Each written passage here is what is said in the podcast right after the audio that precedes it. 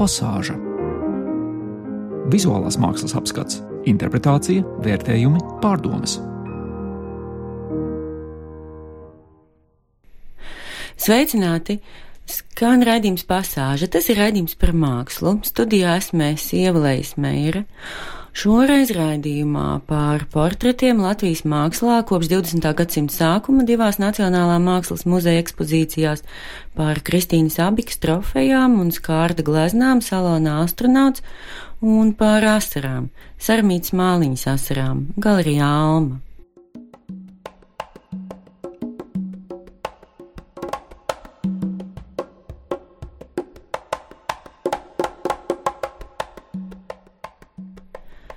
Atcerieties, pagājušajā raidījumā lielu tiesu uzmanības veltījām Valta Miķelsona kurētai izstādēji Nacionālais paviljons. Mūksvāls mākslas salonā, kas man joprojām liekas, ja ne līdz galam uh, Um, līdz visām uzstādījumu konceptu un uztveramības šķautnēm izslīpēts projekts, un skaidrs, ka tas popularizē vienu privātu kolekciju. Toties tas parāda, manuprāt, galveno, kas simt gadus pēc valsts dibināšanas šeit tomēr rodas kādi jauni, svaigi, oriģināli domu gājieni. To varētu attiecināt uz daudzām mūsdienīgām un novatoriskām izstādēm, īpaši jau kopš 80. gadu beigām un 90. sākuma. Taču tieši šīs izstādes tematika ļauj to izcelt valsts simtgadus pasākumu kontekstā, vienalga oficiālo, par īpašu valsts budžetu veidoto vai citu, jo katrs taču drīkst apsveikt, kā un ko vien vēlas arī savu valsti. Lūk, par vērā ņemamu vērtību un dāvanu, tātad uzskatu kuratoru rotaļīgo, vieglo, nu jā, jā, brīžiem arī skaudro un aso skatījumu, kas sociāli politiskus kontekstus ierauga brīžiem paradoxāli un absurdi spoguļojamies mākslas darbos, vai to konfrontācijā ar visu ko, galvenokārt jau ar kuratoru uztveri. Nu, šāds vienkārši gadījās fons, lai domātu par divām oficiālās simtgadus budžeta izstādēm Latvijas Nacionālā mākslas muzeja divās galvenajās izstāžu zālēs. Pazemes zālē Jāņa Rozentāla laukumā izveidot ekspozīciju, kas veltīta portretu mākslā 20. gadsimta pirmajā pusē, bet izstāžu zālē arsenāls varam iepazīties ar 20. gadsimta otrās puses darbiem. Izstādēs, protams, varam priecīgi sastapties ar visādiem brīnišķīgiem mākslas darbiem, un izstāde, protams, ir lieliski iespēja atkal un atkal ieraudzīt oriģināls, kas apliecina, ka Latvijas mākslinieki ar vislielāko rūpību, aizrautību un apdāvinātību nodevušies savam radošajam darbam, kur skaidrošanā un izpētē daudz ko devuši tikpat apdāvināti un rūpīgi mākslas pētnieki, un kurš joprojām satur arī noslēpumu Proti, ka tā arī nav viennozīmīgs sakrīgs atbildes, kāpēc kāda cilvēka dara kaut ko tik dīvainu un nevar saprast, kam vajadzīgu. Proti, nepieciešamība kaut ko attēlot nav nemaz tik pašsaprotama, lai šim noslēpumainajam aspektam vienkārši pārlēktu vai pārbradātu pāri mākslas darbus, lietojot kādu ideoloģisku mērķu sasniegšanai, kā manuprāt ir noticis šeit. Abas lielās portretu izstādes no kuratora darba viedokļa atstāja formālu, didaktisku un sasaistītu iespaidu. Varētu būt, ka tā ir tāda akadēmiska pieeja, kurai tāpat kā akadēmiskiem izdevumiem ir savi noteikumi un cauri. Labi, lai nu tā būtu. Nekavēšu jūs ar pašsaprotamiem pārspriedumiem par to, ka portrets ir vēsturiski un vispār dabiski veidojies mākslas pamatžānrs, jo citi cilvēki taču ir pamatā tas, ko cilvēks redz, kas viņu interesē, nu, īpaši jau tādus superjūtīgos cilvēkus kā mākslinieki. Bet vēl bez tikšanās ar brīnišķīgiem mākslas darbiem, lielākoties jau gleznām, iznāca padomāt lūk par ko.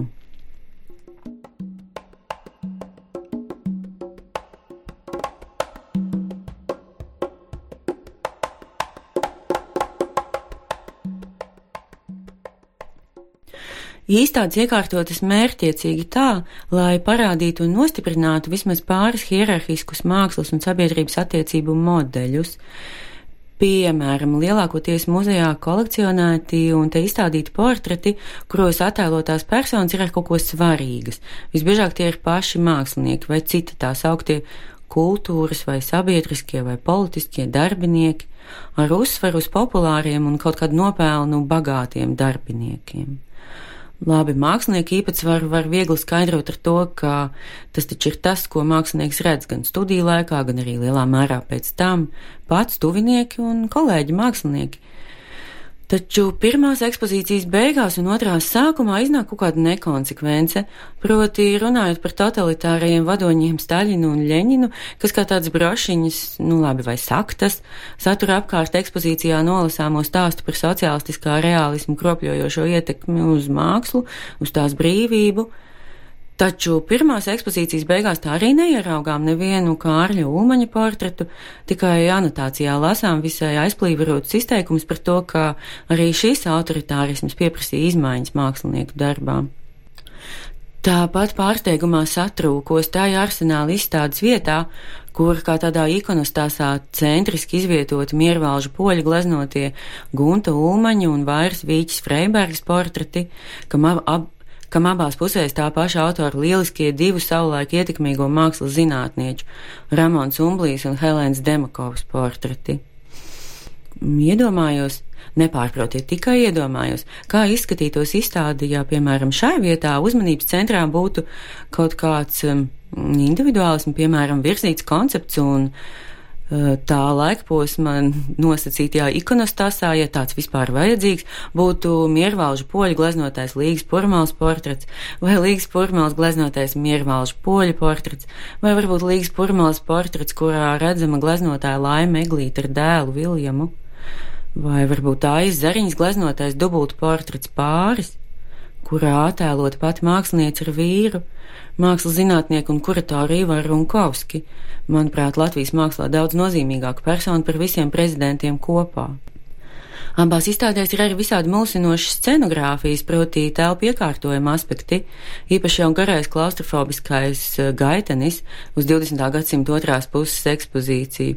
Iedomājieties, jūs ejat pa sarkanu paklāju, tādu gāru, gāru, un jūs ejat un neiet, nekādu mākslu vēl ilgi neredzat, ejat un neiet līdz kādam pagriezienam, tas pa kreisi, tad atkal uz priekšu, gar augstām tukšām sienām, tad atkal pa labi, nu un tā kādu brīdi. Nē, nu, laikam liek piebilst, ka pirmais, ko ieraugāt vai kam uzskrienat virsū, ir bronzas staļins.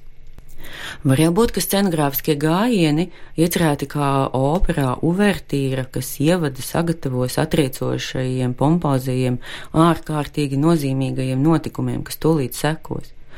Un, ja ir runa par tā sauktā baigā gada notikumiem, tad šī nošķirtā izstāžu zāles vieta pēkšņi grims tumsā un anotācija izgaismota ar spocīgu prožektoru. Bet ievada 20. gadsimta pirmās puses ekspozīcija garš kāpiens pārī diezgan operiskām kāpnēm, it kā nolaižoties kādu tur seno dievību kapenēs vai kā tam līdzīgi svētsvinīgi tuvojoties tālāk sekojošajai mākslai un kontekstu izklāstiem tekstos uz sienām. Starp Starp citu, teksti pie sienām ir neviena anotācijas, kas ir diezgan jocīga atlase, piedāvā politisko notikumu fonu, bet arī gaiši pelēks tikko saredzamas frāzes, kas varētu būt fragmenti no kādiem tekstiem apjomīgajā izstādes katalogā. Nezinu tiešām, bet, nu, ja izdod šos tekstus pamanīt, tad jāsamulst vēl vairāk. Piemēram, pirmais no tiem, ko lasāt kāpjot pa tām faraona kapeņu kāpnēm, ir šāds. Gadu simtus latvieši ir vesti cauri neskaitāmiem elles lokiem, tie salīkuši zem pārlieku smagām nastām, nespējā aizmiguši, taču spējuši atmosties, plakstiņus pavēruši 19. gadsimtā, bet 20. tiem acis ir vaļā, un vismaz lielākā tautas daļa ir nostājusies pilnā augumā. Ir jau diezgan skaidrs, kas ar šo domāts, nu vēstījums apmēram kā filmai Namē Gredzens. Ak, un tad vēl reverāns gadsimtiem cietušajiem, vai man jāsaka, te ir pēdiņas un māksliniecisks pārspīlējums, tātad nepelnīti cietušajiem fotografijas mēdījam, kurš beidzot iekļauts brālīgo tradicionālo mākslas mēdīju saimē. Un kaut arī vēl atsevišķās visu pārējo ievadošās un apkalpojošās nodaļās, tomēr drīkst būt zem viena jumta ar gleznām, skulptūrām, dažām grafikām un diezgan daudz medaļām glītās stikla vitrīnās. Un varbūt lieka piebilst, ka fotografijās redzami lielākoties mākslinieku portreti. Par atlases kvalitāti var spriest kaut vai pēc pirmās ekspozīcijas fotografiju sadaļas, kurā redzama diezgan dīvaina Kārļa Lakšas uzņēmuma izlase. Nu, vismaz viņa sievas, Olgas portreti, cik atceros, ir diezgan daudz, un daži vai vismaz pāris pat ļoti izteiksmīgi. Tomēr šajā ekspozīcijā fotografijas atlasītas it kā nejauši vai lielā steigā, lai formā, kā saka, nosaktu vai pārstāvētu autorus, kurus vajag pārstāvēt. Vai vēl piebilst arī, ka ambiciozais projekts pozicionē un proponē nacionāli nošķirtu mākslu un skatījumu uz Latvijas mākslas vēsturi primāri caur pompozu nacionālisma ideoloģijas, kā to sauc, prizmu, jā, prizmu. Tātad labi valsts, kuras simtgadē veltīta izstāde ir nacionāla, māksla arī lielā mērā nu labi, bet vēl kas? Kas vēl ir valsts un kas vēl ir māksla? Ja tas ir viss no pieminēto prizmu viedokļa, tad, manuprāt, tas ir tāds sen aizgājušas vakarējās dienas skatījums. Tāds lūk pārdoms par gadsimtu portretu izstādi Nacionālā mākslas muzeja abās lielākajās izstāžu zālēs. Protams, ka silti iesaka iet un satikt mīļas gleznas vai iepazīt ko jaunu un raudzīties, kā jums izdodas sazināties ar kuratoru prizmām un skatījumiem.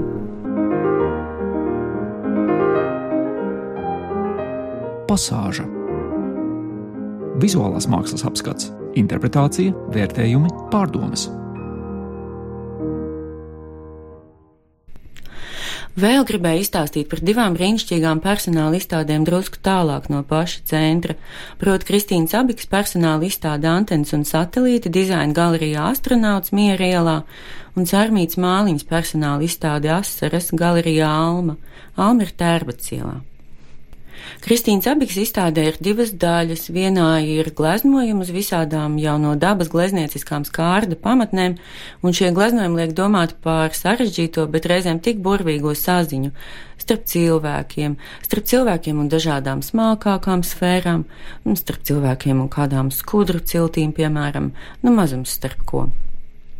Otra daļa ir trofejas, proti visādi atrasti vai krāmatirgos iegādāti priekšmeti, kuru pirmā un iespējams arī otrā dzīve jau sen aiz muguras, bet Kristīna Abika šos priekšmetus, piemēram, vecu badmintonu volāniņu vai elektrības iekārtu izolatorus un tās baltās fajāns muciņas.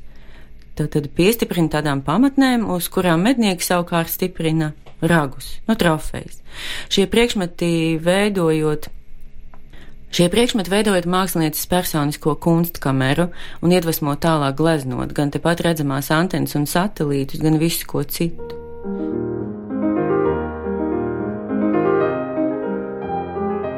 Pasāža Vizuālās mākslas apskats, interpretācija, vērtējumi, pārdomas.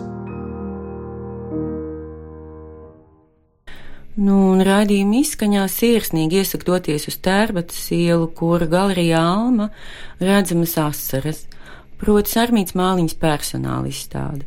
Tā ir multimedija instalācija, kurā ne tikai autores, bet arī skatītāja emocijas ir būtiska sastāvdaļa. Aplis esot forma, kas neliek mieru māksliniecei jau diezgan sen. Viens no pirmajiem apļiem bija 90. vidu izstādē piemineklis, veidotā stikla gaismas šahta vecrīgas bruģī ar nosaukumu Nepamatots prieks. Tagad apļi vairs nav tik regulāri apaļi, ir no maiga rozīga rokas lējuma stikla un saucas asaras. Vēl tur ir teksts, skaņa un kliedziens. Neatskaņošu, jo šis ir jāredz un jādzird tur uz vietas, citādi mēs te visi tagad apraudāsimies un kam nu to vajag. Līdz ar to pasāžī skan nākamreiz gan uz dubultiem skatīties Miķelu Fišeru. Studijā bija Sievalējas mēra. Pateicos par atbalstu valsts kultūra kapitāla fondam un paldies jums, ka klausījāties. Visu kaišu! Pasāža Pirmdienu rītos 9.5 ar atkārtojumu sestdienās 18.15.